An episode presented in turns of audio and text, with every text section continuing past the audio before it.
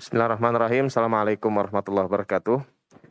Uh, insya Allah sebelum kita mulai kajian, kami panitia Masjid Al-Fatah memohon dengan segala hormat untuk para ibu yang membawa anaknya agar bisa menjaga ketertiban anaknya agar tidak mengganggu jalannya kajian. Terima kasih.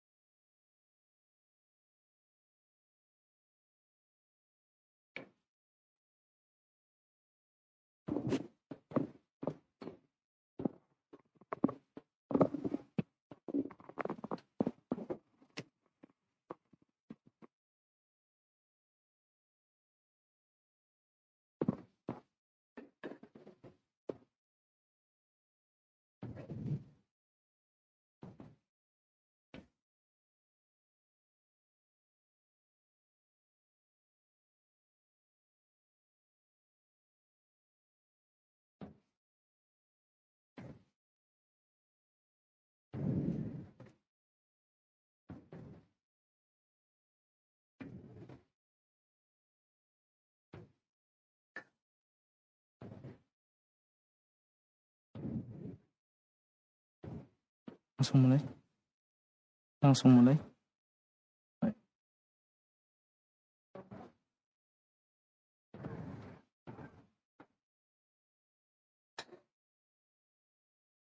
Bismillahirrahmanirrahim. Innal hamdalillah nahmaduhu wa nasta'inuhu wa nastaghfiruh wa na'udzu billahi min shururi anfusina wa min sayyiati a'malina. من يهده الله فلا مضل له ومن يضلل فلا هادي له. وأشهد أن لا إله إلا الله وحده لا شريك له وأشهد أن محمدا عبده ورسوله صلى الله عليه وعلى آله وأصحابه والتابعين لهم بإحسان إلى يوم الدين وسلم تسليما كثيرا أما بعد. الحمد لله Segala puji hanyalah untuk Allah Rabbil Alamin. Dialah yang memiliki Al-Asma'ul Husna, nama-nama yang paling baik, dan dialah yang memiliki As-Sifatul Ula, sifat-sifat yang paling tinggi. Dan darinya lah seluruh nikmat. Wa ma bikum min ni'matin Allah dan nikmat apa saja yang ada pada diri kalian adalah berasal dari Allah. Semoga Allah SWT menjadikan kita semua termasuk hamba-hamba yang pandai bersyukur kepadanya. Yang dikatakan oleh Allah Azza wa Jal, wa qalilun min ibadiyas syakur. Dan sungguh sedikit di antara hamba-hambaku yang pandai bersyukur. Salawat dan salam untuk Nabi kita Muhammad sallallahu alaihi wasallam, keluarga beliau, para sahabat beliau dan orang-orang yang mengikuti mereka dengan baik sampai akhir zaman. Para hadirin dan juga hadirat rahimani wa rahimakumullah. Sebagaimana kita ketahui bersama bahwa kita sekarang sedang diuji oleh Allah Azza wa Jal dengan pandemi ini. Dan kita tahu bahwasanya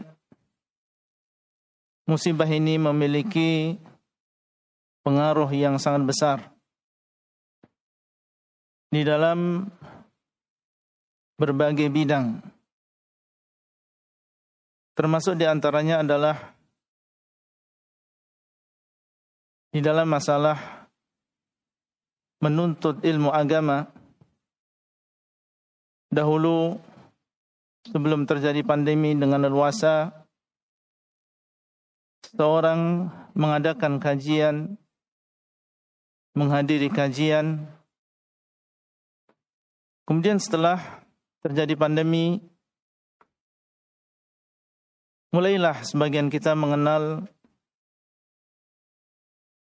teknologi yang mungkin sebelumnya dia belum terbiasa. Termasuk di antaranya adalah di dalam mempelajari ilmu agama ini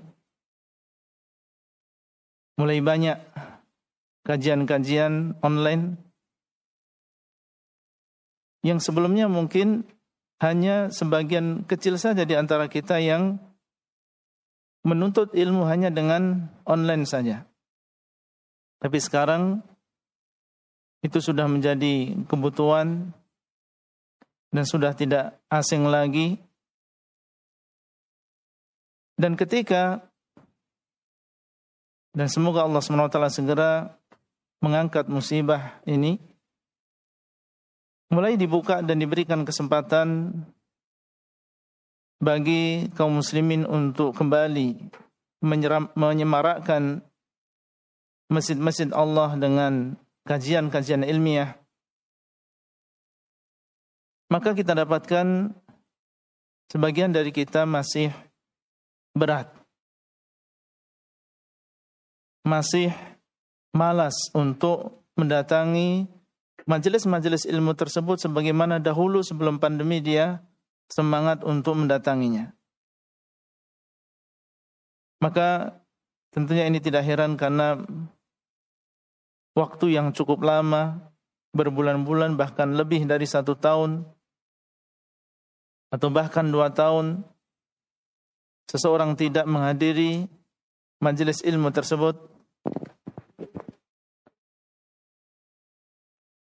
akhirnya yang demikian sedikit banyak berpengaruh pada semangat seseorang di dalam menghadiri majelis ilmu. Banyak kita mendengar saudara-saudara kita yang dahulunya semangat untuk menghadiri majelis ilmu,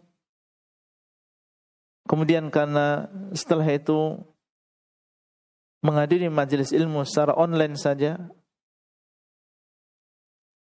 kemudian sekarang kita sudah tidak melihat kembali beliau semangat dalam menghadiri majelis ilmu secara offline. Oleh karena itu, tentunya eh, yang demikian adalah sesuatu yang harus segera kita perbaiki bersama dan harus kita sadari bahwasanya menuntut ilmu agama itu bukan sesuatu yang merupakan pilihan. Antum boleh menuntut ilmu agama dan atau tidak menuntut ilmu agama. Ini adalah sebuah kewajiban. Nabi SAW beliaulah yang mengatakan Talabul ilmi faridatun ala kulli muslimin. Menuntut ilmu itu adalah kewajiban bagi setiap muslim. Menunjukkan bahwasanya menimba ilmu agama, mempelajari agama Allah. Ini bukan sesuatu yang kita boleh memilih menuntut ilmu agama atau tidak. Ini adalah sebuah kewajiban. Dan Nabi SAW di dalam hadis yang sahih beliau mengatakan, "Ihris ala ma yanfa'uka wasta'in billah wala ta'jaz. Hendaklah engkau semangat untuk melakukan yang bermanfaat bagi dirimu. Dan di antara yang paling bermanfaat bagi seseorang adalah hadal ilm, ilmu ini. Dengannya seseorang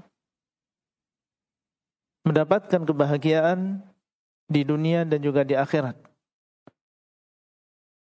Dalam banyak ayat dan juga hadis disebutkan tentang keutamaan-keutamaan ilmu. Allah SWT mudahkan bagi seseorang untuk masuk ke dalam surganya Allah. Man salaka tariqan yaltamisu fiha ilman sahalallahu lahu bihi tariqan ilal jannah. Barang siapa yang menempuh sebuah jalan, dia mencari ilmu di jalan tersebut, maka Allah akan memudahkan baginya jalan menuju surga. Surga yang dikatakan oleh Nabi Shallallahu Alaihi Wasallam, "Huffatil jannatu bil makarih." Surga itu dikelilingi dengan sesuatu yang dibenci. Tapi Allah akan mudahkan perjalanan seseorang menuju surga, masuknya seseorang ke dalam surga apabila dia mau menekuni ilmu agama ini. Semakin dia rajin, semangat di dalam menuntut ilmu semakin mudah jalan di depannya untuk masuk ke dalam surganya Allah Azza wa Jal. Sebaliknya, apabila seseorang semakin malas dalam menuntut ilmu, maka akan semakin sulit baginya untuk masuk ke dalam surganya Allah Azza wa Jal. Dan Allah SWT mengatakan, Yarfa'illahu alladhina amanu minkum walladhina utul ilma darajat. Allah akan mengangkat orang-orang yang beriman di antara kalian dan juga orang-orang yang berilmu dengan beberapa derajat. Dan Nabi SAW menyebutkan bahwa fadlul alim 'ala al-'abid ka fadli al-qamari lailatal badri 'ala sairil kawakib. Keutamaan seorang yang berilmu di atas seorang ahli ibadah. Maksudnya di sini adalah dua-duanya sama-sama ahlu sunnah. Seorang yang berilmu di antara ahlu sunnah dan seorang ahli ibadah di antara ahlu sunnah perbandingannya kata Nabi SAW itu seperti keutamaan bulan dibandingkan dengan bintang-bintang. Dalil-dalil yang lain yang banyak sekali menunjukkan tentang faedah, manfaat dari menuntut ilmu agama ini. Maka Nabi SAW mengatakan, Ihris ala ma yanfa'uk. Hendaklah engkau bersemangat di dalam mendapatkan apa yang bermanfaat bagi dirimu. Wasta'im billah dan dalam engkau meminta pertolongan kepada Allah. Jangan lupa di dalam usaha kita mendapatkan apa yang bermanfaat bagi kita, tetap kita meminta pertolongan kepada Allah dan merasa bahwa diri kita ini lemah. Tidak mungkin kita bisa mendapatkan ilmu kecuali apabila dimudahkan oleh Allah Azza wa. Para ikhwah dan juga para akhwat rahimani wa rahimakumullah. Satu di antara hal yang mungkin bisa mengembalikan semangat kita yang mungkin kemarin sempat kendor, sempat turun dengan sebab pandemi dan juga yang lain adalah dengan cara mendengarkan kisah-kisah khususnya tentunya yang berkaitan dengan menuntut ilmu agama ini. Dan cara menambah semangat, mengembalikan semangat dengan menyebutkan kisah ini ada di dalam agama kita. Allah SWT di dalam Al-Quran menyebutkan banyak kisah. Di antara faedahnya adalah untuk menguatkan hati Nabi SAW. Mengapa beliau diturunkan kepada beliau dan diwahyukan kepada beliau tentang kisah-kisah para nabi sebelum beliau sallallahu alaihi wasallam. Bagaimana dakwahnya Nabi Nuh, bagaimana beliau diuji. Ibrahim alaihissalam bagaimana beliau berdakwah dan bagaimana beliau diuji oleh Allah azza wajalla. Dan kisah-kisah nabi-nabi yang lain. Tidak lain kisah-kisah tersebut diwahyukan kepada Nabi SAW untuk menguatkan hati beliau. Karena beliau juga di awal dakwahnya mendapatkan ujian yang luar biasa. Dicela, dicaci, dikata-katai. Ketika seseorang membaca kisah tersebut atau membaca kisah-kisah para nabi sebelum beliau, dan mendengar bahwasanya ternyata mereka pun dahulu berdakwah dan juga diuji sebagaimana beliau Shallallahu Alaihi Wasallam diuji, maka tentunya demikian memberikan pengaruh tersendiri kepada Nabi kita Muhammad Shallallahu Alaihi Wasallam. Allah banyak menyebutkan kisah di dalam Al-Quran. Nahnu naqussu alaika ahsanal qasasi bima auhayna ilaika hadzal Qur'an kami telah kisahkan kepadamu di dalam Al-Quran kisah-kisah yang paling baik.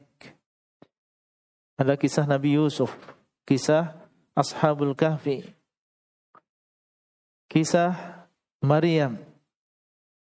Ini adalah kisah-kisah yang penuh dengan pelajaran yang apabila seseorang memahaminya, maka dia akan bisa banyak mengambil faedah dari kisah-kisah tersebut. Dan Allah SWT mengatakan bahkan menyuruh untuk menceritakan kisah. Allah mengatakan faqasusil qasas la'allahum yatafakkarun. maka adalah engkau kisahkan kepada mereka supaya mereka berpikir. Ini menunjukkan bahwasanya terkadang kita di dalam mengajari, di dalam berdakwah tidak masalah. Terkadang kita menyebutkan kisah. Dan Nabi SAW di dalam hadis-hadis yang sahih juga terkadang menyebutkan kisah. Seperti kisah tiga orang Bani Israel yang diuji oleh Allah Azza wa Jal. Satu di antara mereka adalah buta, dan yang kedua botak, dan yang ketiga dia memiliki kulit yang berpenyakit. Kisah yang panjang yang mengandung banyak pelajaran. Dan di antara kisah yang paling bermanfaat tentunya adalah kisah para pendahulu kita yang soleh para sahabat radhiyallahu taala anhum, para tabi'in dan juga para tabi' tabi'in dan juga para imam-imam seperti Al-Imam Malik, Al-Imam Syafi'i, Al-Imam Ahmad bin Hanbal dan juga imam-imam yang lain. Alhamdulillah kalau kita mau membaca dan membuka kitab maka kita akan dapatkan kisah-kisah mereka ini telah ditulis oleh para ulama. Kemudian saya nukilkan di sini ucapan beberapa ulama yang menunjukkan bahwasanya terkadang perlu kita menyebutkan kisah tapi tentunya dengan syarat yang telah mereka sebutkan. Al-Imam Muhammad mengatakan, "Idza kana Al-qassu saduqan fala ara bimujalasatihi ba'san. Al-Imam Ahmad mengatakan apabila orang yang mengisahkan, orang yang bercerita adalah seorang yang jujur. Maka kata beliau, aku memandang tidak masalah untuk duduk bersama orang tersebut. Ini menunjukkan bolehnya di dalam ta'lim, di dalam dakwah kita menyebutkan kisah, tapi beliau di sini menyebutkan syaratnya yaitu apa? Jujur, benar di dalam kisah tersebut. Bukan kisah yang dusta, bukan kisah yang ditambah-tambah. Memang ada kisahnya kemudian dia tambah-tambah sendiri. Dia adalah seorang yang mengisahkan dan dia jujur di dalam mengisahkan. Al-Auza'i beliau ditanya tentang sebuah kaum yang mereka berkumpul. Kemudian mereka meminta salah, salah seorang di antara mereka untuk cerita. Bolehkah yang demikian? Ya, beberapa orang atau sebuah kaum Kemudian meminta salah seorang di antara mereka untuk bercerita. Ya fulan, antum berdiri, coba ceritakan kepada kami sesuatu semoga kami bertambah keimanannya misalnya. Beliau mengatakan, "Idza kana dzalika yawman ba'dal ayyam, falaysa bihi ba'sun." Kalau yang demikian terkadang saja, maka tidak masalah. Yauman ba'dal ayam. Maksudnya sehari sekarang cerita. Kemudian mungkin seminggu lagi atau dua minggu lagi. Mungkin ada majelis yang di situ beliau bercerita kembali. Tidak masalah kalau jarang-jarang seperti itu. Dan ini menunjukkan bahwasanya kalau cerita tersebut menjadi kebiasaan. Artinya yang menjadi modal pembicara tersebut adalah hanya kisah-kisah saja, maka ini tercela. Karena sebagian ada yang menggunakan ini sebagai cara dalam berdakwah. Dan tidak ada cara lain selain dia bercerita. Bagaimana cara dia untuk mengumpulkan manusia dengan cara bercerita. Dan biasanya yang demikian dia akan menambah-nambah di dalam ceritanya. Karena dia berusaha untuk bagaimana cerita yang dia sampaikan itu menarik, menjadikan manusia yang di depannya takut terhadap neraka, menjadikan dia menangis, menjadikan dia terharu. Tentunya ini bukan manhaj para salaf kita. Sehingga banyak di sana atar-atar dari para salaf yang mencela al-qassas, mencela orang yang kerjanya adalah cerita. Ini bukan cara para ulama dan juga para imam kita di dalam berdakwah. Kemudian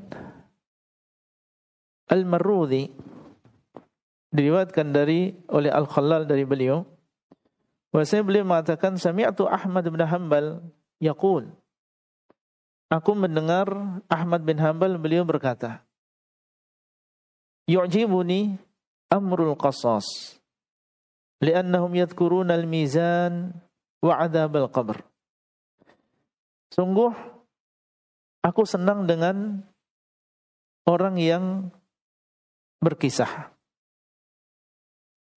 Senang dengan orang yang berkisah. Kenapa demikian?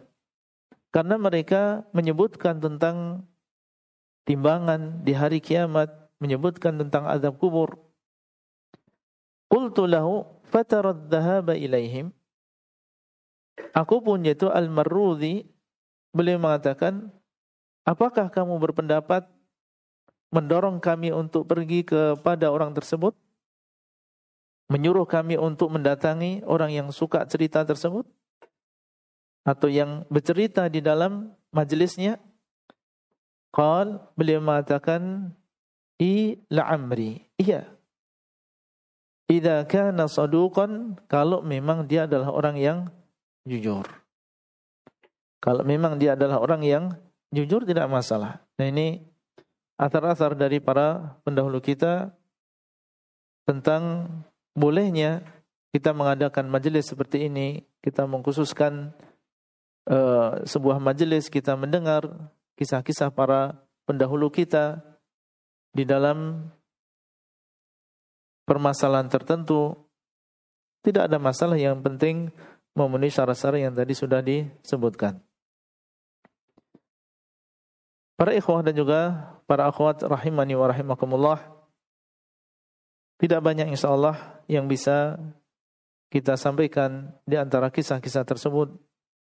Dan kalau kita membaca sangat banyak kisah-kisah yang bermanfaat dari para salaf kita khususnya yang terkait dengan masalah menuntut ilmu agama ini. Saya sebutkan beberapa di antaranya yang pertama adalah bagaimana kisah sebagian salaf dalam semangat mereka bersegera di dalam menghadiri majelis ilmu. Sebutkan bahwasanya sebagian mereka dahulu dan dia masih sebagai seorang remaja yang masih beranjak dewasa tapi dia memiliki semangat yang besar di dalam menuntut ilmu agama. Disebutkan bahwasanya sebelum subuh dia sudah ingin untuk keluar dari rumahnya supaya bisa menghadiri majelis ilmu syekhnya sebelum subuh. Karena dia tahu bahwasanya gurunya membuka majelis ilmu tersebut setelah subuh. Padahal dia masih seorang anak kecil yang mungkin belum balik. Tapi demikian dia memiliki semangat yang luar biasa sampai ibunya yang sangat sayang kepada anak tersebut mengatakan la hatta yusbihan nasu au yu'adzinu. Jangan sekarang. Sampai kelihatan waktu pagi atau sudah adzan. Jangan sekarang engkau pergi sampai datang waktu pagi atau terdengar adzan. Dan ini menunjukkan bagaimana semangat para salaf dahulu untuk bersegera di dalam menghadiri majelis ilmu bukan seperti sebagian kita yang meremehkan dan menghadiri majelis ilmu semaunya. Padahal para salaf dahulu mereka sangat-sangat berusaha untuk menghadiri majelis ilmu dari awal. Berusaha bagaimana tidak ada satu huruf pun yang tidak terdengar olehnya. Berusaha bagaimana seluruh apa yang dibawakan oleh guru tersebut dia dengar. Dan bagaimana supaya tidak ada satu huruf pun yang luput dari dia. Sehingga dia pun menghadiri majelis ilmu dan bahkan dahulu sebagian mereka atau sebagian majelis para masyayikh zaman dahulu, para imam zaman dahulu bukan menjelang subuh ya. Di pertengahan malam itu majelisnya sudah penuh. Karena mereka khawatir kalau datang setelah subuh mereka nggak mendapatkan tempat. Sehingga ada sebagian mereka yang cerita anak kira anak yang paling awal. Ternyata pas sampai di masjid, masjidnya sudah penuh dengan manusia. Mungkin sebagian mereka nginep di masjid ya. Untuk bisa menghadiri majelis ilmu dari syekh tersebut. Karena mereka berlomba bagaimana mereka bisa di depan. Karena apalagi zaman dahulu ya tidak seperti sekarang ada speaker orang yang duduk di belakang bisa mendengar dengan baik seperti orang yang di depan. Mereka berusaha untuk di depan sehingga mendengar langsung suara syekh. Menulis hadis dengan baik. Tentunya ini adalah contoh yang sangat baik dari para pendahulu kita di dalam masalah bersegeranya mereka dalam menuntut ilmu agama. Di dalam menulis menulis apa yang disebutkan oleh Syekh disebutkan bahwasanya al-Imamu Malik rahimahullah dan kita tahu bahwasanya beliau adalah guru dari Al-Imam Asy-Syafi'i. Beliau melihat Al-Imam Asy-Syafi'i rahimahullah tidak menulis di dalam majelisnya. Maka Al-Imam Malik rahimahullah sebagai seorang guru memanggil Al-Imam Syafi'i dan ingin mengingatkan beliau. Setelah selesai dars maka berkata Al-Imam Malik ya gulam wahai anak kecil disuruh mendekat oleh Al-Imam Malik. Maka datanglah Imam Syafi'i dan berdiri di hadapan Al-Imam Malik. Kemudian Al-Imam Malik mengatakan, "Mada taf'alu ya gulam?" Al-Imam Malik ini dikenal dengan ketegasannya di dalam majelis ilmu. Sampai disebutkan Beliau terkenal dengan haibahnya, dengan kewibawaannya, dengan ketegasannya. Sampai sebagian menceritakan bahwasanya kami merasakan bahwasanya haibahnya dan kewibawaan Imam Malik itu lebih besar di sisi kami daripada seorang amir. Daripada seorang sultan, daripada seorang penguasa. Sehingga ketika mereka datang ke majelisnya Imam Malik rahimahullah dalam keadaan mereka merasakan bagaimana wibawanya Al-Imam Malik beradab dengan adab majelis ilmu. Dan dikisahkan kalau ada di antara murid-murid beliau yang tidak beradab. Misalnya ketika beliau sedang berbicara kemudian dipotong bertanya tanpa adab misalnya, maka Al-Imam Malik rahimahullah menyuruh jadi ada sebagian yang menjadi penjaga saat itu. Kayaknya seperti pengawas gitu, diawasi mana yang kira-kira ia tidak beradab dalam menghadiri majelis ilmu. Dipanggil oleh Al-Imam Malik dan disuruh membawa anak ini keluar dan dicambuk di luar. Ya, dibawa keluar masjid dan dicambuk di luar masjid. Nah ini e, menunjukkan tentang bagaimana, kewibawaan Al-Imam Malik di dalam majelisnya. Al-Imam Syafi'i dipanggil. Kemudian ditanya, "Mada taf'alu ya gulam?" Apa yang kau lakukan wahai gulam? Faqala Syafi'i, berkata Imam Syafi'i, "Aku menuntut ilmu." Sebagaimana yang lain juga datang ke sini untuk menuntut ilmu. Maka Al-Imam Malik mengatakan, "Aha kadza yakunu talabul ilm?" An taj'ala isba'aka fi famika wa an tamsah bihi ala yadikal yusra aina dafatiruk Beliau mengatakan, apakah dengan cara seperti ini menuntut ilmu? Karena saat itu Al-Imam Asy-Syafi'i beliau tidak menulis.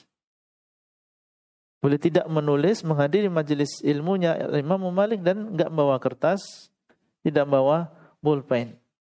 Beliau hanya meletakkan jarinya di uh, lisan beliau atau di bibir beliau. Aina dafatiruk? Di mana kertas-kertasmu? Wa aina aklamuka wa wa awraquka dan di mana pena-penamu dan juga kertas-kertasmu? Berkata Al-Imam Asy-Syafi'i rahimahullah menyebutkan kepada gurunya tentang sebab kenapa beliau tidak membawa kertas tersebut. Kenapa beliau tidak membawa pena tersebut? Wallahi la amliku dirhaman ashtari bihi syai'an min dhalik. Demi Allah wahai guruku, aku tidak memiliki satu dirham pun untuk bisa membeli apa yang tadi antum sebutkan. Al-Imam Syafi'i rahimahullah ayyuhal ikhwah bukan termasuk orang yang berkecukupan. Beliau berasal dari keluarga yang sangat-sangat kekurangan. Sampai disebutkan bahwasanya ibunya beliau yang bersemangat untuk membantu Al-Imam Asy-Syafi'i dalam menuntut ilmu karena beliau nggak punya uang juga untuk membelikan kertas bagi Al-Imam Asy-Syafi'i. Akhirnya disebutkan bahwasanya beliau datang ke sebagian pegawai kerajaan atau yang semisalnya di mana wanita ini sering membuang kertas yang sudah tidak dipakai. Melemparkan dan membuang kertas yang sudah tidak dipakai. Ini yang diambil oleh ibunya Al-Imam Asy-Syafi'i. Beliau ambil kertas-kertas tersebut kemudian diberikan kepada Al-Imam Asy-Syafi'i digunakan untuk menulis hadis yang dia dengar di dalam majelis-majelis ilmu. Baik. Kemudian beliau ditanya lagi, "Aina lauhuka?" Setelahnya, faqala lahu al-imamu Malikun. Berkata kemudian al-Imam Malik, "Limadha tahdhuru idzan?" Kalau demikian keadaan kamu, kenapa engkau datang ke sini? Karena orang yang datang ke sini itu ingin ilmu. Dan orang yang ingin ilmu, kalau memang dia sungguh-sungguh mencari ilmu, ya dia akan berusaha untuk menjaring ilmu tersebut. Dengan cara menulisnya di dalam buku. Maka Al-Imam Malik mengatakan, kalau demikian kenapa engkau datang ke sini? Kalau engkau tidak punya senjata sebagai seorang penuntut ilmu. Fa ana asridu fi kulli marratin a'dadan katsiratan minal ahadits. Padahal setiap majelis aku menyebutkan banyak hadis. Tilkal ahadits wa anta la tamliku awraqan wala? Bagaimana engkau bisa menghafal hadis-hadis yang banyak tersebut sementara engkau tidak memiliki pena dan juga tidak memiliki kertas. Satu adab yang bisa kita ambil di sini adalah seseorang ketika menghadiri majelis ilmu, maka di antara adabnya adalah dia menulis apa yang dia dengar di dalam majelis ilmu tersebut. Sampai Al-Imam Malik memanggil Al-Imam Syafi'i dan saat itu beliau belum tahu siapa Imam Syafi'i. Ketika melihat dia dalam keadaan tidak menulis maka dipanggil oleh Al-Imam Malik rahimahullah. Berkata Al-Imam Syafi'i, "Inni ahfadhuha min dhahri qalbin." Sesungguhnya aku menghafal hadis-hadis yang engkau sebutkan min dhahri qalbin. Maksudnya adalah di luar kepala. Fa ana aktubul hadis bi usbu'i ala yadi.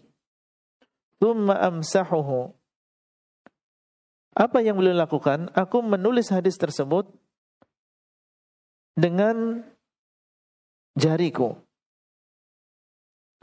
di atas tanganku. Seperti ini ya, kurang lebih. Karena beliau nggak punya apa? Nggak punya kertas, nggak punya pena. Beliau menulis dengan jari beliau di atas tangannya.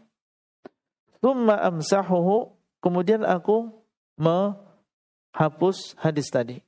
Jadi satu hadis ditulis kemudian wa aktubul hadis alladhi yalihi thumma amsah. Kemudian aku tulis hadis yang selanjutnya dan aku hapus hadis yang sebelumnya. Wa aktubul hadis alladhi ba'dahu kemudian aku menulis hadis yang setelahnya. Itu cara beliau di dalam menghafal hadis dari Al-Imam Malik rahimahullah.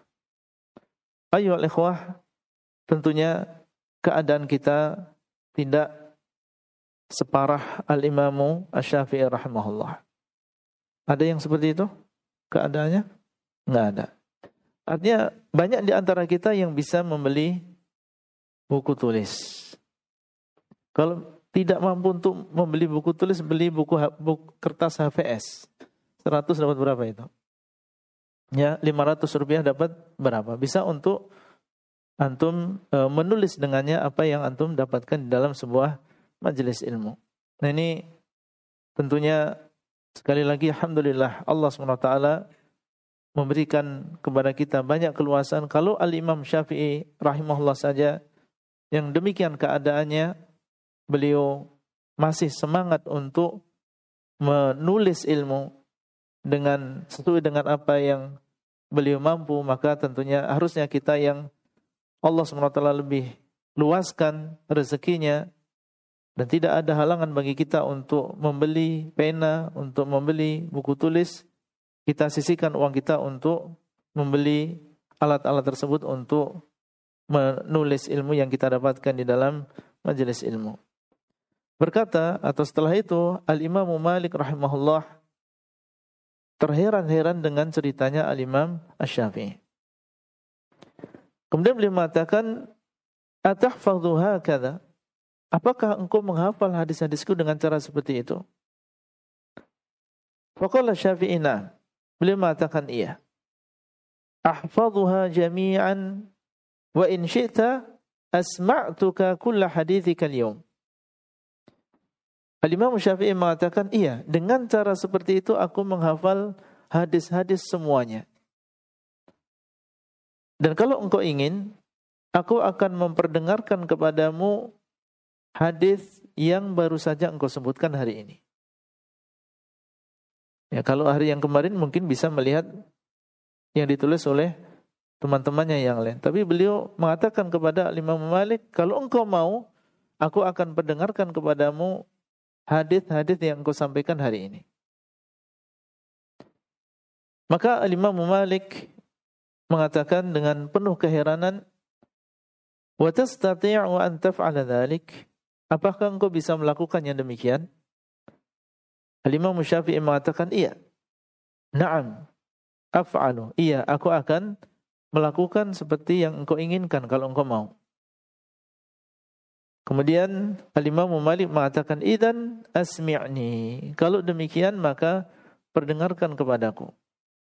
Mulailah Al-Imam Syafi'i rahimahullah menyebutkan hadis yang dibawakan oleh Al-Imam Malik dan mengatakan haddatsana Malikun an fulanin an fulanin an Rasulillah sallallahu alaihi wasallam kemudian menyebutkan satu persatu dari hadisnya Al-Imam Malik sampai menyebutkan seluruhnya.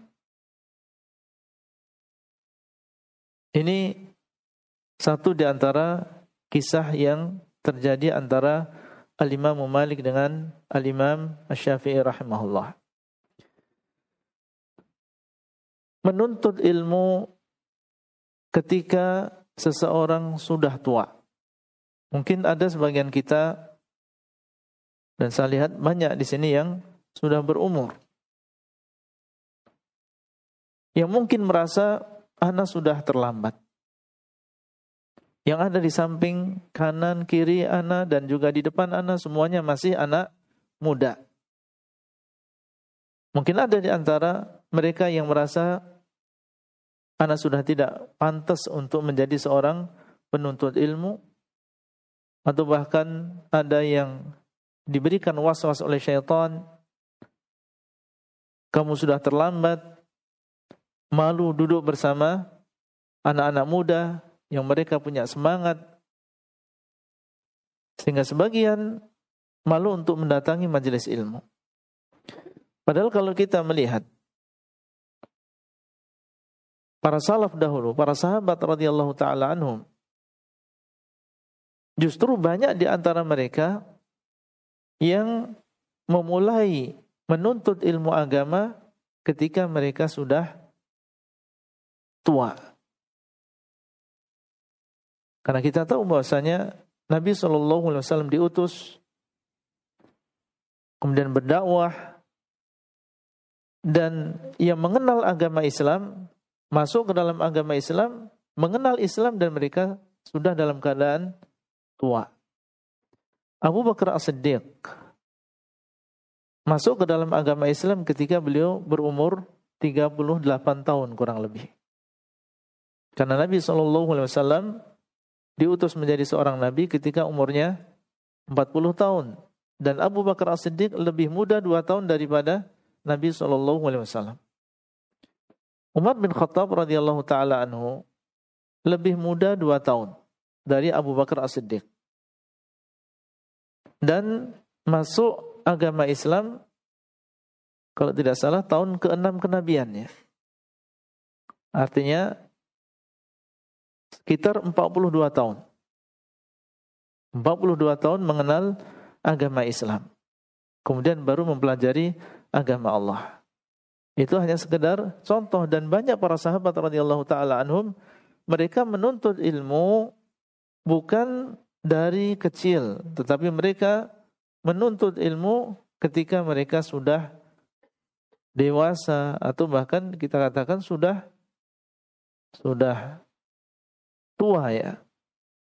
Meskipun demikian, para sahabat radhiyallahu taala anhum mereka bersemangat untuk menuntut ilmu agama. Kita perhatikan ucapan Umar bin Khattab radhiyallahu taala anhu. Tafaqahu qabla an tusawwadu. Berkata Umar bin Khattab, hendaklah kalian belajar sebelum kalian nanti ditokohkan. Ini wasiat bagi para pemuda. Sekarang waktunya kita untuk menggunakan masa muda kita untuk banyak belajar. Sebelum apa? Sebelum kalian ditokohkan. Karena kalau sudah ditokohkan, banyak tanggung jawab, banyak amanah. Ini waktu kita akan terkuras untuk melaksanakan amanah-amanah tersebut. Qala Abu Abdullah, berkata Abu Abdullah, wa ba'da an menambahi ucapan dari Umar bin Khattab dan juga setelah kalian ditokohkan. Artinya tafaqahu belajarlah kalian sebelum kalian ditokohkan dan setelah kalian di tokohkan. Selama masih muda, manfaatkan waktu muda ini untuk banyak belajar. Ketika kita sudah mendapatkan banyak tanggung jawab, sudah berkeluarga, sudah diangkat menjadi pemimpin, sudah diserahkan amanah ini dan itu, maka kita pun tetap belajar. Meskipun mungkin tidak leluasa sebagaimana ketika dulu kita masih muda. Waqad ta'allama ashabun Nabi sallallahu alaihi wasallam fi kibari sinnihim dan sungguh dahulu para sahabat Nabi sallallahu alaihi wasallam telah mempelajari ilmu agama ini ketika mereka sudah tua. Para sahabat Nabi sallallahu alaihi wasallam yang mereka adalah sebaik-baik generasi teladan bagi kita semuanya, ternyata banyak di antara mereka yang baru mempelajari agama ini kan ketika mereka sudah tua karena mereka memang baru masuk ke dalam agama Islam ketika di umur tersebut. Sehingga jangan sampai umur ini menjadi penghalang bagi kita untuk menghadiri majelis ilmu. Harus kita sadari bahwasanya menuntut ilmu itu adalah ibadah. Itu adalah ibadah. Allah SWT mencintai kalau kita menuntut ilmu ini. Kalau Allah kalau kita mendalami ilmu agama ini. Dan itu tidak dibedakan antara yang sudah tua maupun yang masih muda. Ini adalah ibadah. Dengannya kita bertakarub kepada Allah Azza wa Jalla. Dan para ulama menjelaskan bahwasanya ilmu ini atau menuntut ini menuntut ilmu ini adalah termasuk ibadah yang paling afdal. Ibadah yang paling afdal artinya yang paling banyak pahalanya di sisi Allah. Kalau memang kita merasa sudah dekat ajalnya, sudah sebentar lagi dan kita butuh bekal yang banyak untuk bertemu dengan Allah, ketahuilah bahwasanya menuntut ilmu ini adalah sebaik-baik amalan yang dengannya seseorang mendekatkan diri kepada Allah lebih baik dan lebih besar pahalanya daripada amalan-amalan yang sunnah. Kalau amalan yang wajib jelas itu yang paling afdal. Tapi dibandingkan dengan amalan-amalan yang sunnah, maka talabul ilm menuntut ilmu ini adalah lebih besar pahalanya daripada amalan-amalan yang sunnah.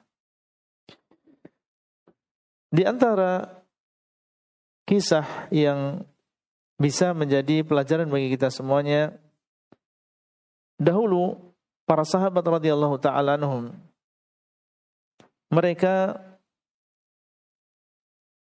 berusaha untuk menggabungkan antara menuntut ilmu agama ini dengan kesibukan mereka yang harus mereka lakukan di luar menuntut ilmu agama.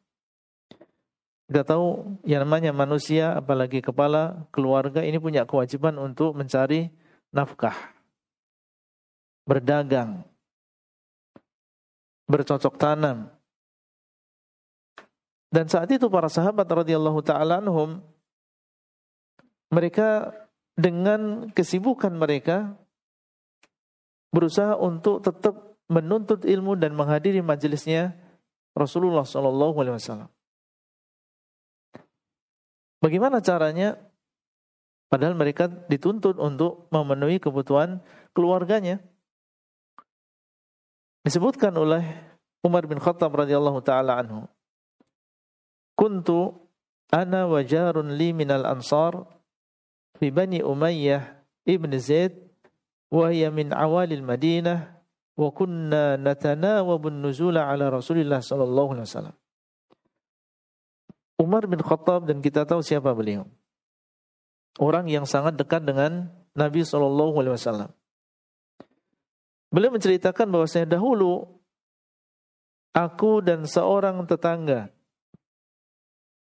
dari kalangan Ansar karena Umar bin Khattab termasuk muhajirin. Aku punya tetangga dari kalangan Ansar dari Bani Umayyah bin Zaid dan tinggalnya di Awali Al-Madinah, sebuah daerah di Madinah dan sampai sekarang dinamakan dengan Al-Awali. Dan kami dahulu gantian dalam menghadiri majelisnya Rasulullah sallallahu alaihi wasallam.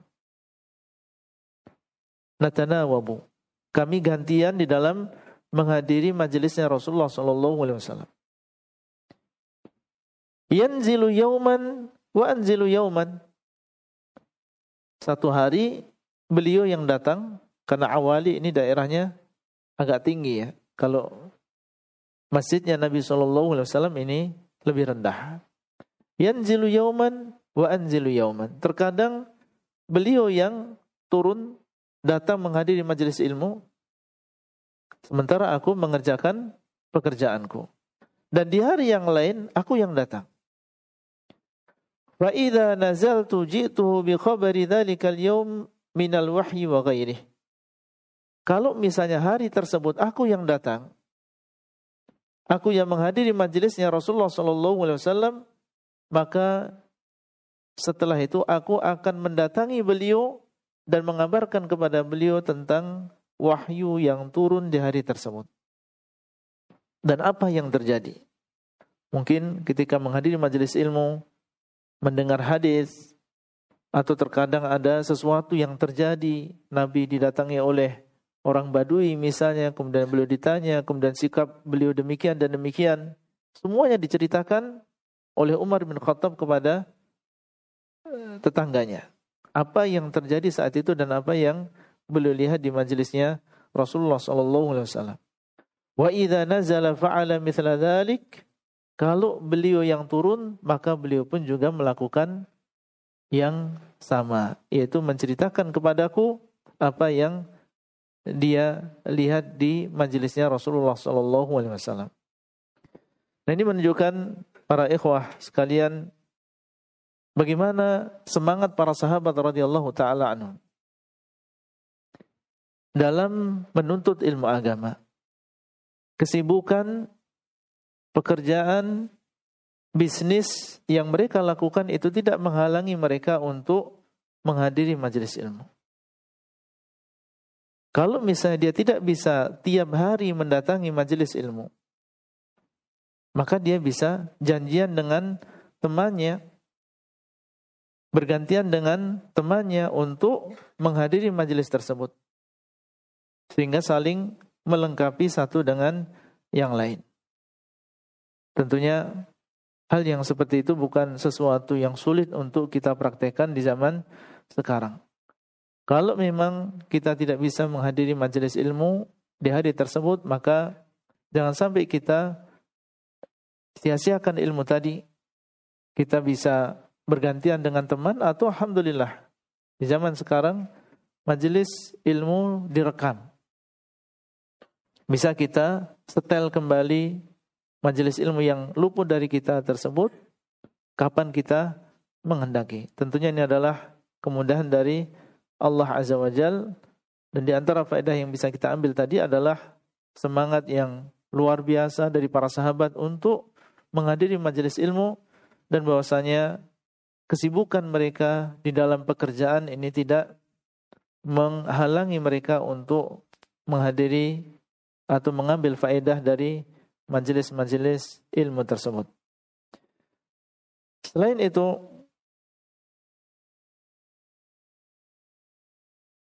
ada beberapa kiat yang mungkin bisa kita praktekkan.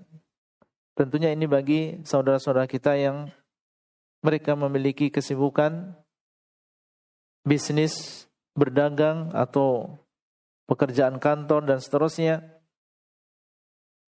Bagaimana supaya kita tetap menjadi seorang penuntut ilmu? Dan bisa mengambil faedah dari majelis-majelis ilmu. Satu di antaranya adalah kita berusaha untuk membagi waktu. Sesibuk apa pun, kalau kita berusaha untuk membagi waktu tersebut, misalnya kita tulis, anak kerja dagang ini berapa jam? Dan waktu anak untuk mendengarkan, untuk menghadiri majelis ilmu, untuk membaca, Anda sediakan waktunya misalnya dua jam. Kapan? Habis subuh sampai jam 6 atau dan ditambah lagi misalnya habis asar sampai jam 5 misalnya. Anak khususkan waktu tersebut untuk mendengarkan atau untuk menghadiri majelis ilmu dan seterusnya atau untuk membaca. Kemudian waktu yang lain untuk bisnis, waktu yang lain untuk keluarga dan seterusnya. Apabila seseorang membagi waktunya demikian dan dia disiplin di dalam apa yang dia tulis, maka insya Allah ini di antara hal yang bisa membantu seseorang di dalam mendapatkan ilmu agama. Karena kalau kita hidup tanpa membagi waktu, tidak tahu apa yang dilakukan setelah subuh, apa yang harus dia hadiri dari majelis ilmu. Maka kalau demikian cara kita dan pola hidup kita, maka kita tidak akan mendapatkan manfaat yang besar dari waktu yang sudah Allah SWT berikan kepada kita. Maka ini bukan alasan kesibukan. Kalau kita bisa membagi waktu dengan baik, maka masing-masing bisa kita dapatkan. Kewajiban kita sebagai kepala keluarga, mencari nafkah, mendidik anak, tidak menghalangi kita untuk terus juga menuntut ilmu agama. Kemudian yang kedua adalah berdoa kepada Allah supaya diberikan keberkahan waktu. Karena berkah di tangan Allah Azza wa Jalla. Waktu kita sama, hanya 24 jam. Tapi kalau kita dapatkan, ternyata waktu yang dimiliki oleh guru-guru kita demikian berkahnya. Demikian manfaatnya. Beliau berdakwah dan beliau juga menulis, beliau juga mengajar. Sama 24 jam seperti yang kita miliki, tapi ternyata kita dapatkan waktu yang beliau miliki ini lebih berkah daripada waktu kita. Di antara sebabnya adalah doa meminta kepada Allah keberkahan waktu. Semoga waktu yang kita miliki ini diberkahi oleh Allah Azza wa Jalla dan diberikan kebaikan dan juga manfaat sehingga bisa kita gunakan di antaranya adalah untuk menimba ilmu agama ini. Kemudian yang ketiga, tidak kalah penting supaya dengan di tengah-tengah kesibukan kita ini, kita juga bisa mendapatkan ilmu Ikuti para ulama di dalam cara mereka menuntut ilmu. Jangan kita membuat cara sendiri. Kalau kita mengikuti cara mereka, maka dengan waktu yang sedikit yang kita miliki, kita bisa mendapatkan ilmu yang banyak. Syaratnya apa? Syaratnya kita mengikuti cara para ulama dalam menuntut ilmu. Karena menuntut ilmu menuntut ilmu ini bukan sesuatu yang baru. Ini sudah dilakukan oleh para ulama kita semenjak dahulu dan sudah dilahirkan para penuntut ilmu, para ulama, para imam. Dan cara mereka itu diambil dari generasi ke generasi sehingga mereka menjadi seorang ulama yang demikian kokoh keilmuannya, demikian besar ketakwaannya. Nah, di antara cara untuk menuntut ilmu dan itu adalah yang sudah dilakukan oleh para penuntut ilmu dari generasi ke generasi adalah memulai menuntut ilmu itu dari dasar. Jangan seseorang tergesa-gesa. Melihat yang lain sudah bisa ya menjelaskan tentang permasalahan ini. Atau dia sudah mempelajari kitab ini. Kemudian seseorang tergesa-gesa ingin mempelajari kitab yang sebenarnya itu adalah lanjutan. Dia tidak mau mempelajari kitab yang dasar malu dengan yang lain kalau masih mempelajari misalnya al-usulu thalatha. Atau masih mempelajari al-qawaidul arba' Kemudian dia langsung belajar tentang akidah tahawiyah misalnya. Atau bantahan terhadap ya Jahmiyah misalnya. Nah ini antum melanggar atau menyimpang dari jalannya para ulama dan juga para penuntut ilmu dalam menuntut ilmu agama. Kalau kita memang sibuk dan kita ingin mendapatkan ilmu, maka tempuhlah cara yang telah ditempuh oleh para ulama. Dari dasar. Meskipun sedikit demi sedikit. Meskipun dalam waktu yang menurut kita relatif lama. Mungkin baru menyelesaikan al-usulu thalatha satu tahun, tidak masalah. Mungkin baru menyelesaikan al-qawaidul arba' satu bulan, nggak masalah. Yang penting kita menempuh seperti yang ditempuh oleh para ulama. Adapun seseorang punya kesibukan, kemudian ditambah dia tergesa-gesa, sehingga dia menghadiri majelis ilmu pun dia tidak tidak di atas ilmu, sembarang kajian dia hadiri tanpa dia memperhatikan sampai di mana level dia. Sampai di mana dia harus eh, di, mana dia harus belajar dan kitab apa yang harus dia pelajari.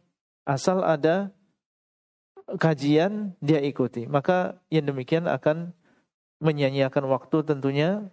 Tapi apabila seseorang dengan waktu yang sedikit di tengah-tengah kesibukan dia yang luar biasa kemudian dia berusaha untuk menempuh jalan yang telah ditempuh oleh para ulama dalam menuntut ilmu maka insya Allah ini menjadi sebab dimudahkan dalam menuntut ilmu agama ini.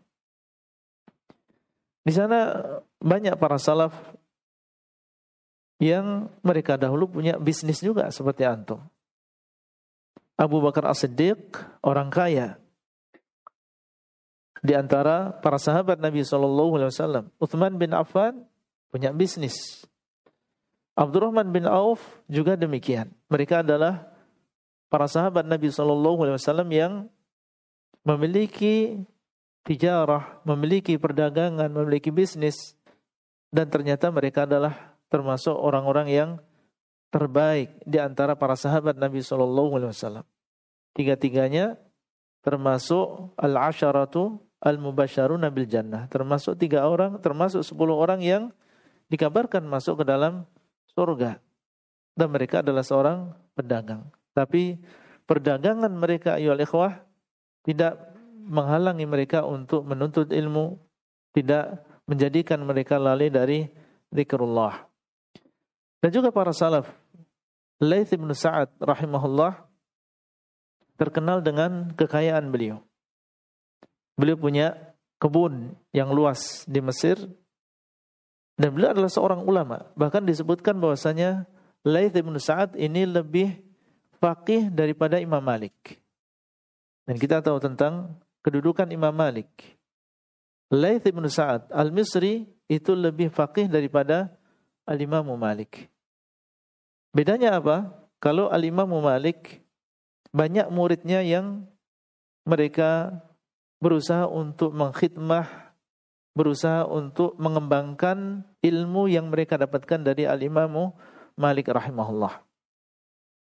Menyebarkan, menulis, dan lain-lain. Adapun Laith bin Sa'ad rahimahullah tidak demikian keadaannya. Dan ini ayol ikhwah rezeki. Rezeki bagi para imam atau para guru kita. Ada sebagian guru kita yang Allah SWT berikan rezeki kepadanya didatangkan murid-murid yang mujtahidun. Murid-murid yang bersungguh-sungguh untuk menyebarkan ilmunya.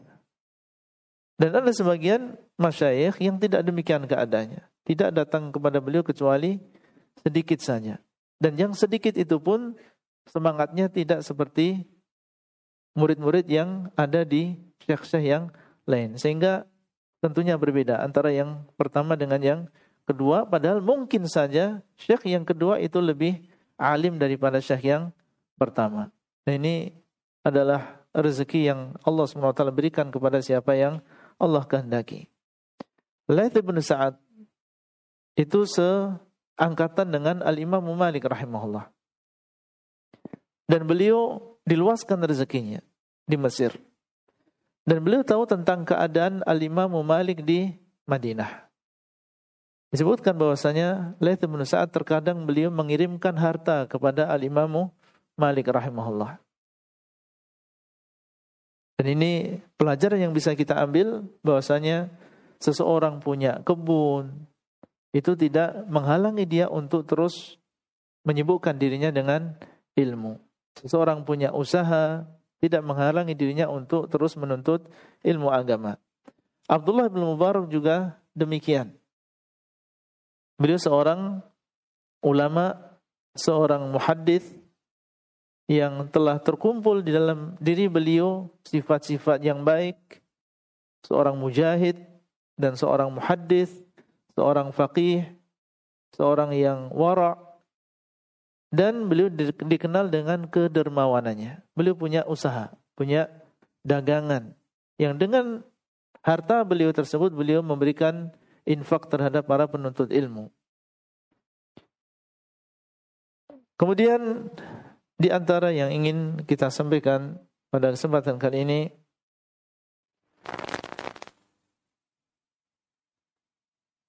atau di antara kisah yang bermanfaat yang bisa kita ambil pelajarannya adalah tentang bagaimana pengorbanan para salaf kita dahulu dalam menuntut ilmu agama. Harus kita ketahui bahwasanya orang yang ingin mendapatkan ilmu dan ini sejak zaman dahulu ya. Itu harus berkorban selain dengan waktunya dengan tenaganya juga berkorban dengan hartanya. Disebutkan bahwasanya Al-Imam Malik rahimahullah beliau menuntut ilmu mencari hadis sampai beliau membongkar rumahnya dan menjual kayu-kayu rumahnya. Siapa? Al-Imamu Malik rahimahullah.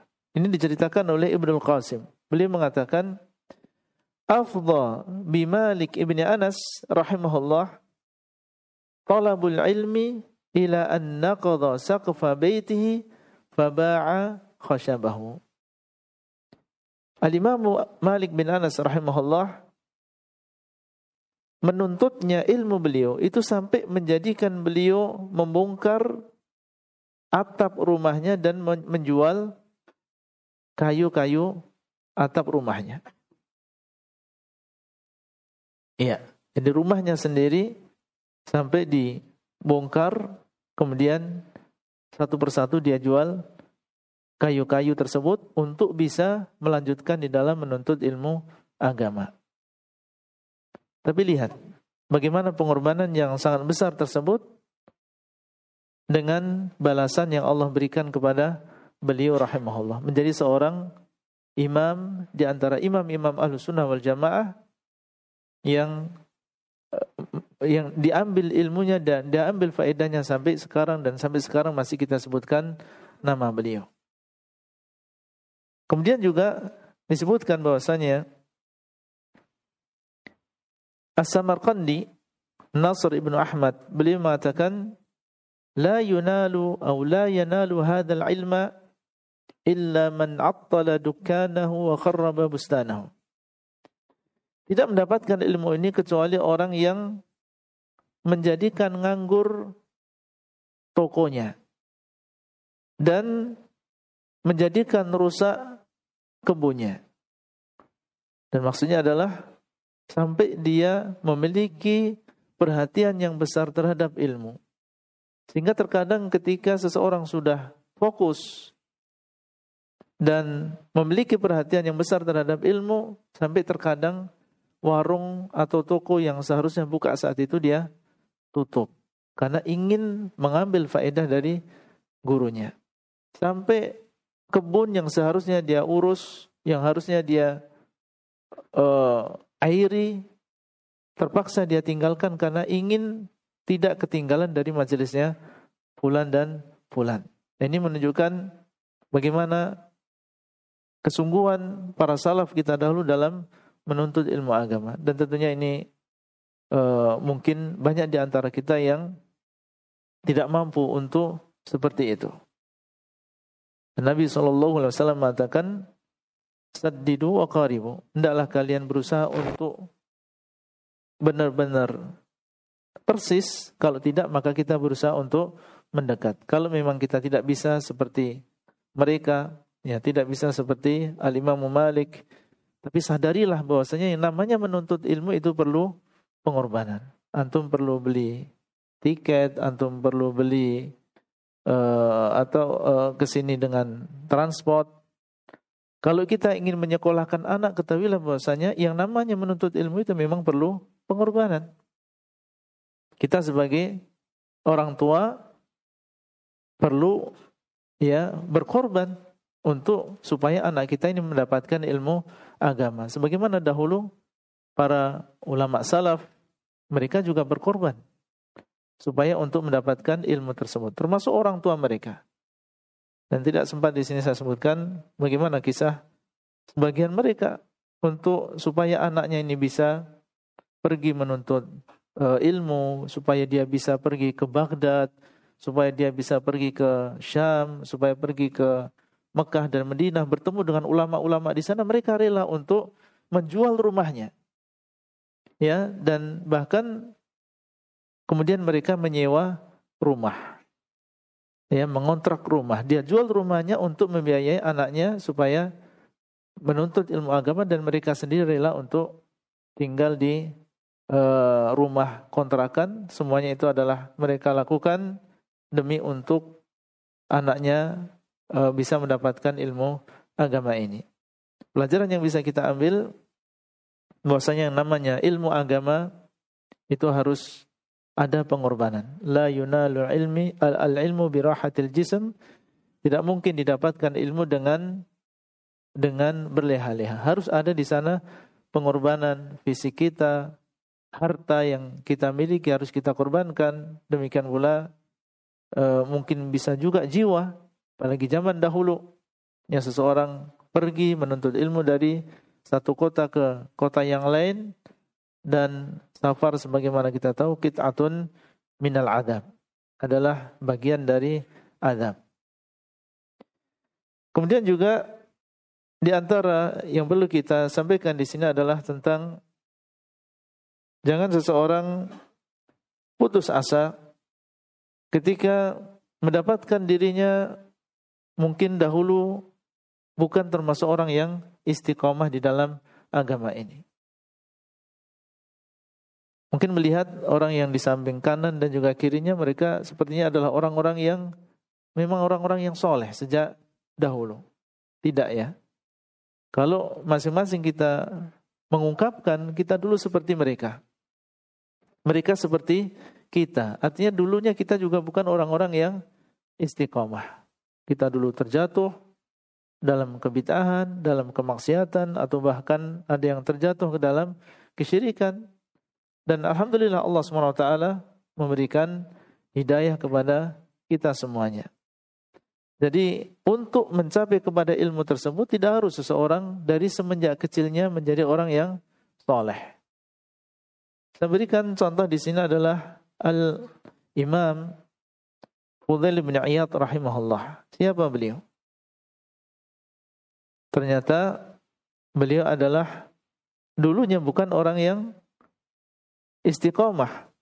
Ada yang mengatakan bahwasanya beliau dahulu adalah seorang perampok ya yang yang yang merampok orang dan orang e, mengenal beliau adalah sebagai seorang penjahat besar. Disebutkan tentang bagaimana kisah beliau mendapatkan hidayah.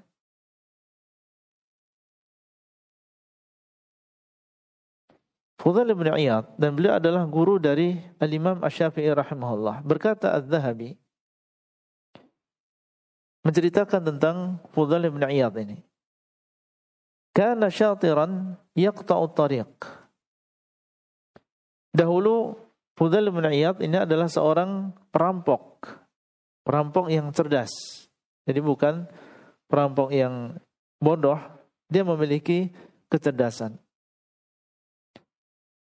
Dan beliau menyebutkan bahwasanya di antara sebab atau sebab taubatnya beliau bahwasanya Fudail bin Iyad ini pernah jatuh cinta dengan seorang tetangganya atau seorang wanita. Kemudian ketika suatu saat yang namanya anak nakal, suatu saat beliau menaiki uh, dinding atau yang semisalnya untuk melihat.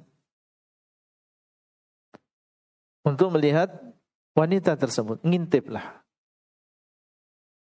Tiba-tiba ketika beliau menaiki dinding tersebut atau tembok tersebut beliau mendengar ada seseorang yang membaca membaca Al-Qur'an.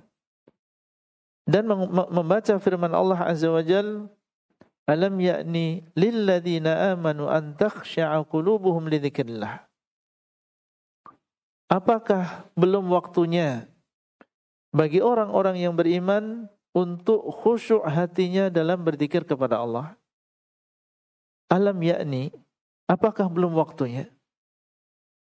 Maka firman Allah Azza wa ini mengenai pada diri Fudail bin Iyad. Apakah belum waktunya? Dia merasa bahwasanya selama ini banyak lalai kepada Allah, bahkan melakukan kemaksiatan, melakukan kejahatan, dan dia saat itu mendengar firman Allah yang merasuk ke dalam diri dan jiwa beliau. Maka beliau mengatakan, Bala ya Rabbi. Qad ana. Dia mengatakan, iya wahai Rabbku, sudah datang waktunya. Ini menunjukkan bahwasanya seorang pelaku maksiat ini lebih mudah mendapatkan hidayah daripada pelaku bid'ah. Dia tahu sebagai seorang yang nakal, pemuda yang nakal, merampok lagi, tahu bahwasanya ini adalah perbuatan yang tidak baik. Ini adalah perbuatan yang tidak dibenarkan di dalam agama ini. Hanya sekedar mendengar satu ayat Allah SWT membukakan hatinya. Sampai beliau mengatakan, Bala ya Rabbi qad ana. Iya wahai Rabbku telah datang waktunya untuk aku kembali kepadamu. Faraja'a fa'awahu lailu ila kharibah. Akhirnya beliau pun mengurungkan niatnya dan malam tersebut beliau bermalam di sebuah tempat yang sudah tidak di tidak didatangi oleh orang lain sudah di, tidak didatangi oleh manusia, tempat yang rusak. Fa idza fiha sabilatun. Ketika beliau di situ, mungkin menyendiri, ya, merenungi dirinya sendiri, tiba-tiba datang serombongan uh, orang yang berjalan, orang yang safar. Berkata sebagian mereka, narhalu. Sebagian mereka mengatakan, ayo kita lanjutkan perjalanan. Karena saat itu di malam hari. Sebagian mereka mengatakan kita berjalan dan kita lanjutkan perjalanan. Dan sebagian mereka mengatakan hatta nusbiha. Kita lanjutkan perjalanan nanti saja ketika sudah datang waktu pagi. Fa inna fudailan ala tariqi yaqta'u alaina. Karena Fudail, yaitu Fudail bin Iyad, dia akan merampok kita. Maksudnya kalau kita lanjutkan perjalanan malam ini, maka Fudail bin Iyad ini adalah daerah dia. Ini adalah daerah kekuasaan dia. Kalau kita melewati daerah ini, kita akan dirampok oleh Fudail bin Iyad. Maka Fudail bin Iyad yang saat itu berada di dekat mereka. Ya di malam hari suara yang kecil pun meskipun agak jauh kedengaran. Beliau mendengar percakapan rombongan ini. Akhirnya beliau mengatakan fafakartu. Aku berpikir. Wakultu dan aku berkata pada diriku sendiri. Ana as'a bil laili fil ma'asi.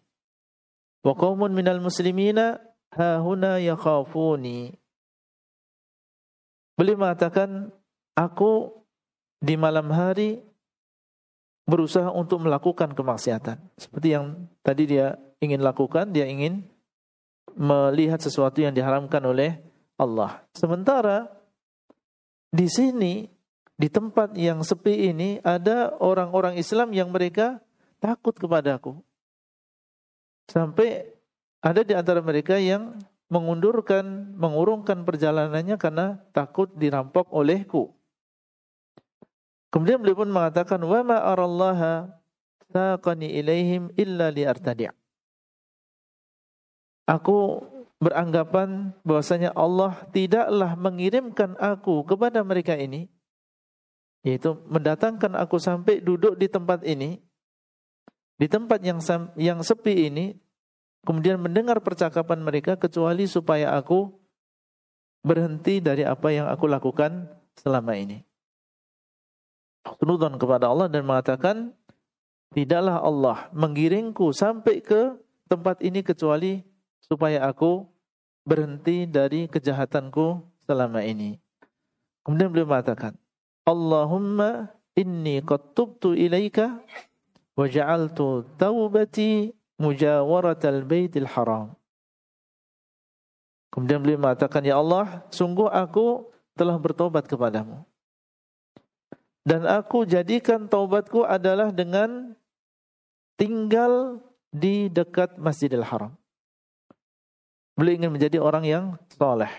Maka beliau meninggalkan lingkungan yang tidak baik ingin pergi ke tempat yang merupakan tempat yang paling dicintai oleh Allah yaitu Al-Masjidil Haram. Maka beliau berjanji di hadapan Allah untuk tinggal di dekat Masjidil Haram. Jadilah yang sebelumnya beliau adalah seorang yang jahat, ahli maksiyah, sampai manusia pun takut dan mengenal tentang kejahatan dia, Allah SWT memberikan taubat kepadanya dan kemudian menuntut ilmu, menjadi seorang ahli ibadah dan dikenal dengan keilmuannya. Sampai Al-Imam Asy-Syafi'i pernah belajar kepada Fudhal bin Iyad ini. Ini menunjukkan ayol ikhwah bahwasanya masa lalu kita yang mungkin hitam yang tidak baik ini tidak menghalangi kita untuk ia memperbaiki diri sekarang dengan cara mempelajari ilmu agama. Justru kalau kita sungguh-sungguh di dalam taubat kita, penyesalan kita terhadap masa lalu kita, cara yang paling baik adalah dengan menyibukkan diri dengan ilmu agama ini.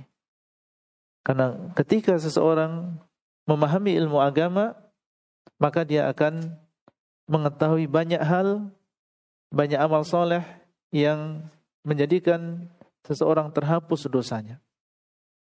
Seperti ini. Ya kita menghadiri majelis ilmu, maka kita akan mendengar apa yang harus kita lakukan, amal soleh apa yang harus kita lakukan. Kalau kita tidak mau menghadiri majelis ilmu, maka ya kita masih berada di atas kebodohan. Kita ingin berubah, tapi kita tidak tahu bagaimana cara berubah. Tapi kalau kita memang sungguh-sungguh bertobat, dan ingin memperbaiki diri maka cara yang paling afdal adalah seseorang menyibukkan dirinya dengan menuntut ilmu agama. Para ikhwah dan juga para akhwat yang dimuliakan oleh Allah SWT sebenarnya banyak kisah-kisah yang lain yang bisa menjadi motivasi kita semuanya untuk terus istiqomah di atas ilmu ini. Apa yang sudah kita sebutkan insya Allah cukup Tinggal sekarang kita mau mengamalkan atau tidak. Banyak kisah yang disampaikan 10 20 tapi kalau nggak diamalkan sama saja.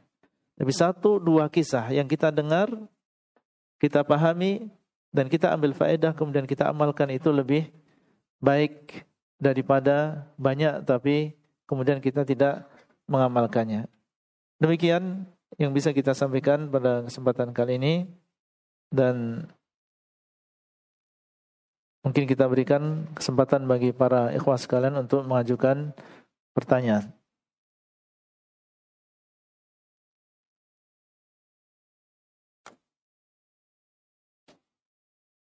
Ya.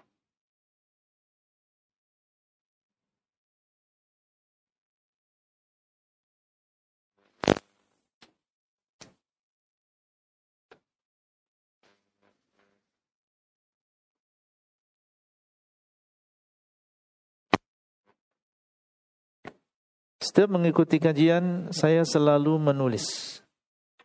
Tapi masalahnya, hasil tulisan itu jarang sekali dibaca. Mohon nasihatnya agar saya rajin membaca tulisan hasil kajian yang sudah saya tulis. Syukuran. Iya, tentunya yang pertama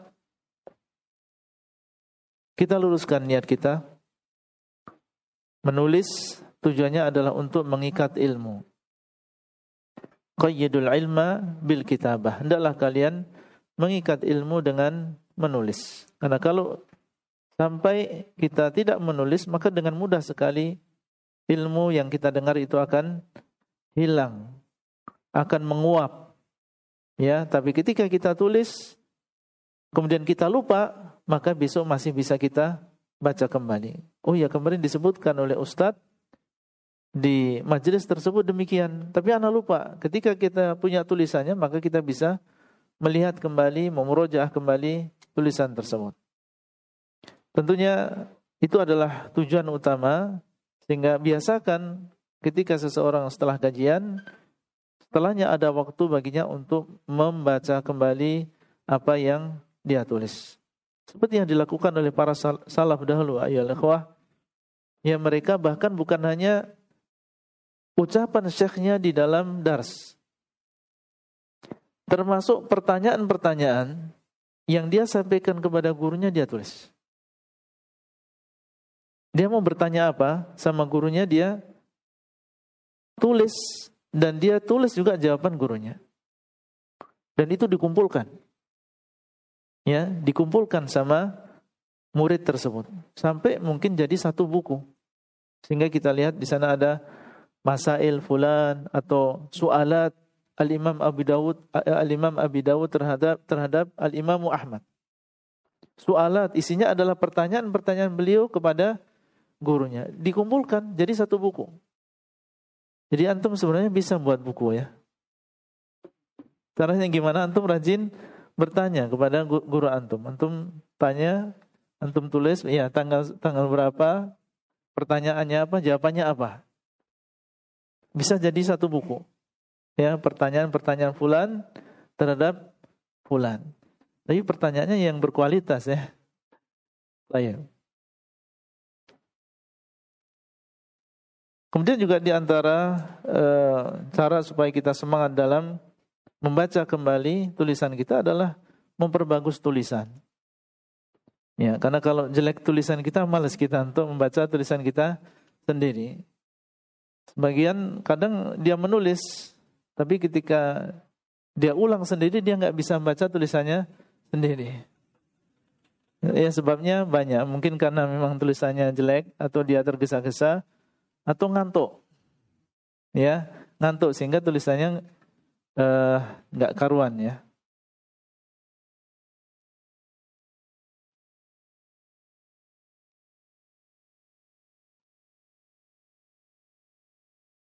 Bagaimana sikap kita dalam mengajak orang tua untuk belajar menuntut ilmu agama?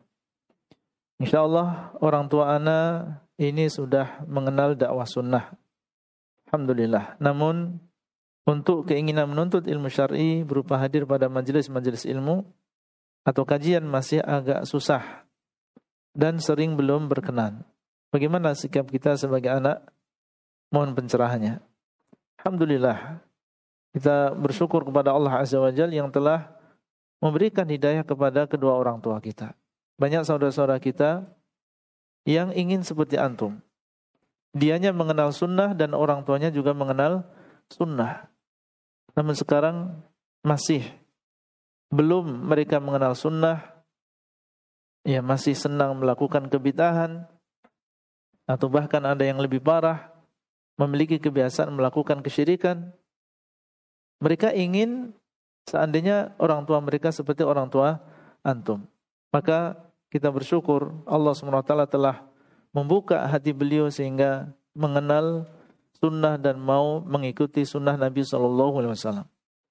Kemudian yang kedua masalah beliau belum terbuka untuk menghadiri majelis-majelis ilmu.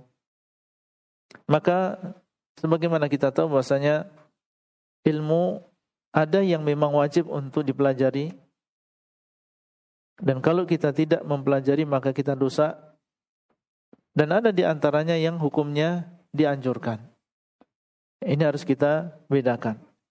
Kalau itu adalah sesuatu yang wajib, seperti misalnya mempelajari tauhid atau mempelajari tata cara berwudu, tata cara sholat lima waktu. Ini perkara yang wajib. Masing-masing dari kita harus mempelajari ilmu-ilmu ini.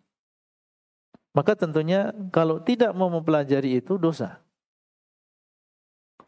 Nah ini yang perlu kita berikan e, ketegasan. Kita perjuangkan bagaimana supaya orang tua kita mau mempelajari apa yang wajib atas mereka. Tapi kalau ilmu tersebut adalah ilmu yang bukan yang wajib. Termasuk ilmu yang dianjurkan saja bagi seorang muslim untuk mempelajarinya. Atau dia adalah fardu kifayah. Kalau sudah dipelajari oleh sebagian maka tidak wajib bagi sebagian yang lain. Maka Tentunya demikian jangan kita memaksa orang tua kita untuk menghadirinya. Ya, karena itu bukan sesuatu yang wajib. Kenapa kita mewajibkan kepada orang lain sesuatu yang tidak wajib? Kalau kita hanya sekedar memberikan uh, usulan atau apa dorongan untuk mempelajari hal tersebut karena itu berkaitan dengan misalnya tazkiyatun nufus atau berkaitan dengan hal yang menurut kita ini perlu diketahui oleh orang tua kita tidak masalah kita berikan dorongan tersebut dan anjuran tersebut kepada orang tua. Seandainya beliau melakukan alhamdulillah. Ya, ini nikmat di atas nikmat cahaya di atas cahaya. Kalau tidak bisa maka jangan kita uh, kemudian terlalu bersedih hati, kemudian uh, terlalu dipikirkan yang penting kita uh, terus mengajak beliau kepada kebaikan dan berusaha untuk mengajak beliau untuk menghadiri majelis-majelis ilmu tersebut. Nah, Mohon nasihatnya untuk orang yang sudah lama mengenal dunia pengajian tetapi masih bermudah-mudahan dengan wanita non mahram. Iya, sebagaimana kita tahu bahwasanya di dalam agama kita telah diatur hubungan antara seorang laki-laki dengan wanita asing atau wanita ajnabiyah, wanita yang bukan mahramnya. Maka sebagai seorang penuntut ilmu, apalagi sudah mengenal uh, agama ini sudah lama, maka adalah dia mempraktekkan, mengamalkan apa yang sudah dia pelajari. Dan harus dia sadari bahwasanya wanita merupakan fitnah yang paling besar bagi laki-laki sebagaimana dikabarkan oleh Nabi Shallallahu alaihi wasallam. Sehingga tidak menjaga hubungan kita dengan wanita asing ini bisa menjadi telah terjadinya sesuatu yang lebih besar daripada itu seperti perzinaan. Allah SWT mengatakan wala zina. Janganlah kalian mendekati zina. Maksudnya janganlah lakukan zina dan janganlah engkau lakukan sesuatu yang bisa mendekatkan kalian kepada perzinaan. Termasuk di antaranya adalah bermudah-mudahan dengan wanita yang bukan mahram. Sampai kepada misalnya khulwah, ya berduaan, tidak ada di sana orang yang ketiga, atau bersalaman, padahal dia adalah wanita yang bukan mahram. Bagaimana hukum berbicara dengan wanita yang bukan mahram? Asalnya tidak masalah seseorang berbicara dengan wanita yang bukan mahram. Dahulu Nabi SAW berbicara dengan wanita yang bukan mahram. Beliau berbicara, menegur, atau kadang beliau ditanya oleh seorang wanita, kemudian beliau menjawab Asalnya tidak masalah seorang laki-laki berbicara dengan wanita yang bukan mahram. Ya, namun perlu di sini kaedah-kaedah, aturan-aturan yang harus kita perhatikan. Di antaranya yang pertama berbicara kalau memang ada hajatnya. Berbicara dengan wanita yang bukan mahram kalau memang ada hajatnya, memang ada keperluannya. Adapun seseorang bermudah-mudahan sampai dalam perkara yang tidak ada hajatnya, dia telepon atau dia berbicara dengan wanita yang bukan mahram, maka ini uh, sudah berlebihan. Kemudian yang kedua, menjaga suara. Tidak membuat-buat suaranya. Dan ini baik laki-laki maupun wanita yang akhirnya dengan suara tadi menjadikan lawan jenis menjadi terfitnah. Ini di antara beberapa kaidah yang harus kita perhatikan di dalam masalah e, muamalah kita dengan wanita yang bukan mahram. Bagaimana caranya agar tidak mengantuk ketika menuntut ilmu? Baik. Banyak ya kiat-kiat yang bisa kita lakukan. Di antaranya pertama pertama tentunya kita berusaha untuk mencukupkan istirahat kita. Ya.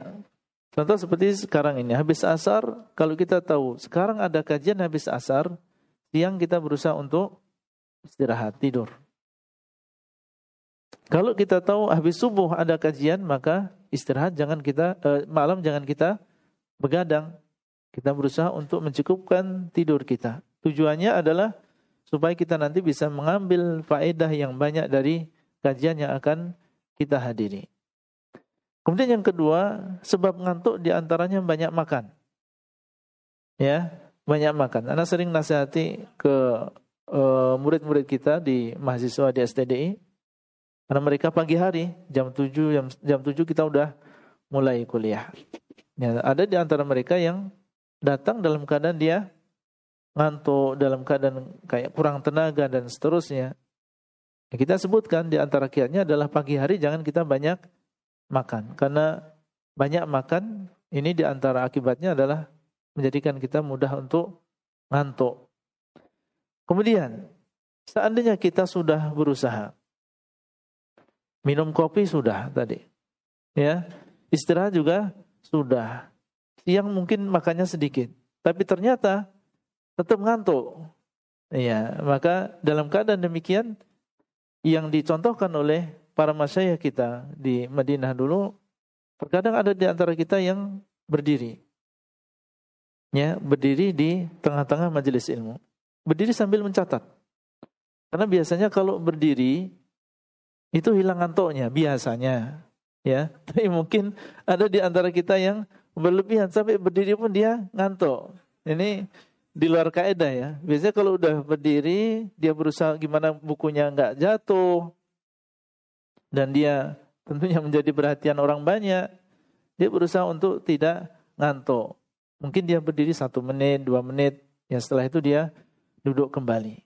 Kalau ngantuk lagi dia berdiri lagi.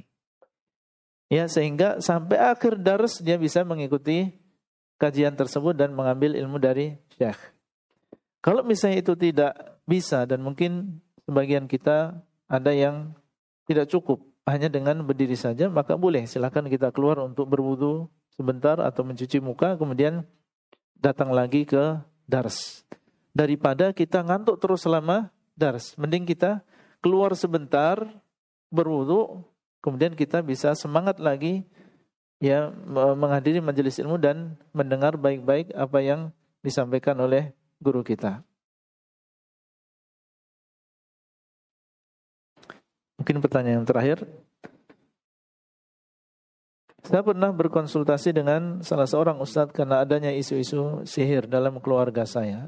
Ustadz tersebut menyarankan saya untuk mengikuti kajian tauhid ini berdampak positif terhadap diri saya seperti tidak gampang emosi. Apa hal ini diperbolehkan? Iya.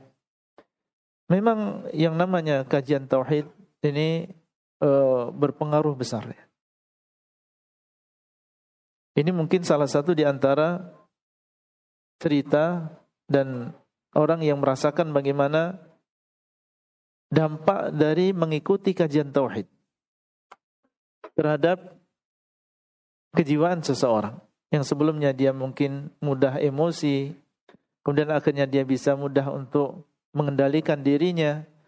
Karena memang marah ini berasal dari syaitan. Dan syaitan sangat benci yang namanya tauhid ini. Sehingga tidak heran kalau orang yang mempelajari tauhid, akhirnya ini sedikit demi sedikit akan berpengaruh pada dirinya, akan berpengaruh pada ketenangan keluarganya. Ada sebuah cerita juga dari seseorang pelaku juga. Yang sebelumnya dia dahulu termasuk orang yang bisa melihat melihat jin. Apa namanya? Indigo. Dia cerita bahwasanya biasa anak lihat jin di pojok sana atau di atas atap itu biasa. Sesuatu, sesuatu pemandangan yang setiap hari dia lihat yang demikian. Kemudian Allah SWT berkenan untuk memberikan dia hidayah kepada sunnah. Akhirnya beliau mengikuti kajian tauhid yang disampaikan oleh sebagian asatilah. Mungkin satu atau dua pertemuan. Setelah itu dia tidak melihat lagi pemandangan yang biasanya dia lihat. Hanya sekedar menghadiri kajian tauhid, tapi apa yang dia dengar masuk di dalam hatinya. Karena dia akan mendengar di dalam kajian tauhid kewajiban untuk mengisahkan Allah di dalam ibadah yang sebelumnya ada takut terhadap jin, akhirnya takutnya hanya kepada Allah. Yang sebelumnya ada tawakal kepada makhluk, akhirnya tawakalnya hanya kepada Allah. Nah ini sesuatu yang sangat dibenci oleh jin dan juga syaitan. Akhirnya yang sebelumnya dia dengan leluasa menggoda manusia, merasuki manusia, akhirnya dia pun pergi sendiri ketika melihat manusia tersebut mulai mempelajari ilmu tauhid ini. Barakallahu fikum, mungkin itu yang bisa kita sampaikan pada kesempatan kali ini semoga bermanfaat dan jazakumullah khairan atas perhatiannya. Wassallallahu ala nabiyina Muhammad wa ala alihi wa sahbihi ajmain. Wassalamualaikum warahmatullahi wabarakatuh.